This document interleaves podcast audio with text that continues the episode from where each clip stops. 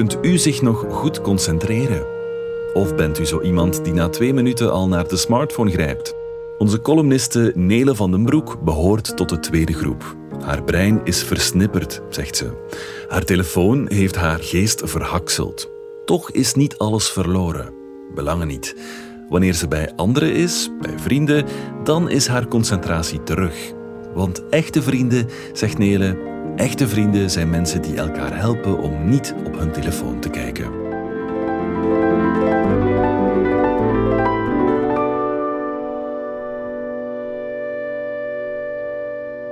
Snippers.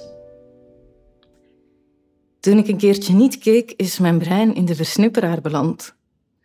Nu denk ik enkel nog in sliertjes. Ik meen mij te herinneren dat mijn hersenen ooit als een solide geheel aanvoelden. Een ferme, rauwe bloemkool. Maar daar blijft vandaag niet veel meer van over. Mijn schedel is tegenwoordig eerder een vergiet vol platgekookte spaghetti. Bloemkoolspaghetti. Bah. Bij mij is het in 2015 begonnen. Behoorlijk laat, zo werd mij verteld. Laat ik dan toch maar zo een slimme telefoon kopen, dacht ik, een luttele zeven jaar en een eeuwigheid geleden. In die tijd kon ik nog een roman op een dag uitlezen en audiovisuele duurtesten als Mulholland Drive of Koya Nisquatsi in hun geheel bekijken, zonder onderbreking, zonder chips of cola. Zoiets moet u mij nu niet meer vragen. Als ik vandaag vijf minuten aan één stuk naar het witte scherm weet te kijken waarop deze column hoort te belanden, dan zal het veel zijn. In de tijd die het mij kostte de voorgaande alinea tot stand te brengen, heb ik ook een koffie gemaakt. Ik ben een keer naar de wc gegaan, terwijl ik helemaal niet hoefde.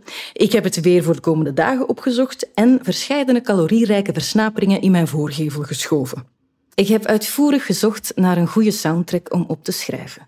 Uiteindelijk is het Hendels aria Ombre mai fu in een eindloze herhalingsloop geworden. Maar om dat te beslissen heb ik zeker drie online artikels gelezen over hoe klassieke muziek je focus versterken kan.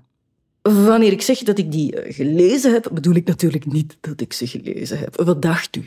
Ik bedoel dat ik ze heb gescand. Scannen verhoudt zich tot lezen, zoals vliegen tot landen. Mijn concentratie is een eeuwige Amelia Earhart geworden. Constant in de lucht, al jaren vermist. Mijn psychiater zegt dat ik ADHD heb. De pilletjes die mij voorgeschreven worden helpen enigszins met het richten van mijn geestesoog. Maar de richting van dat richten blijft toch grotendeels bepaald door iets wat dan zelfdiscipline zou moeten heten. De stroomconcentratie vloeit iets vlotter, maar of ik die nu aanwend om filosofische verhandelingen te lezen of om Candy Crush te spelen, dat blijft een keuze die ondergebracht is in het departement wilskracht. Nu zal ik niet ontkennen dat het departement wilskracht in mijn geval al sowieso leidt onder een chronisch personeelstekort.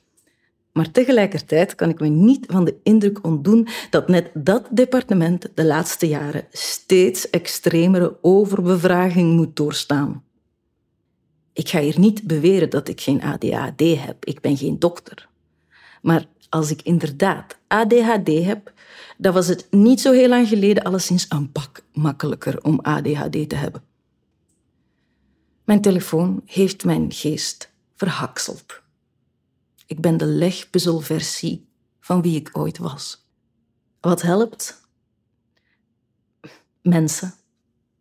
Een lichaam in mijn zeer directe aanwezigheid. Slechts via de ander vind ik mijn eigen aandacht nog terug. Ik ga tegenwoordig steeds vaker op mijn atelier schrijven. Een plek doordrenkt van gezamenlijke focus. Kuddeconcentratie. Bestaat dat?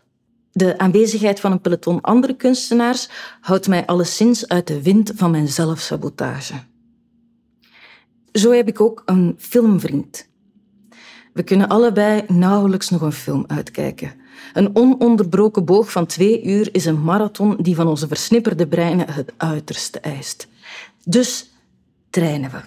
Samen een film per week kijken met onze telefoon in een andere kamer. We zijn begonnen met blockbusters vol visueel spektakel, maar het is de bedoeling geleidelijk aan het tempo naar beneden te halen. Als we ons trainingsschema volhouden, kunnen we over een jaar misschien wel de beste film aller tijden kijken. Daar is het nu nog te vroeg voor.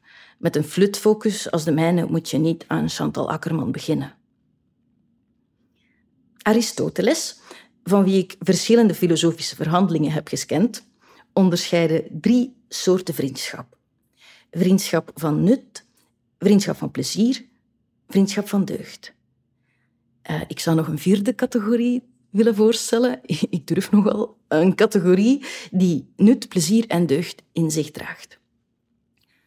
Vriendschap van focus. Vrienden zijn mensen die elkaar helpen niet op hun telefoon te kijken. Gedeelde concentratie is dubbele concentratie.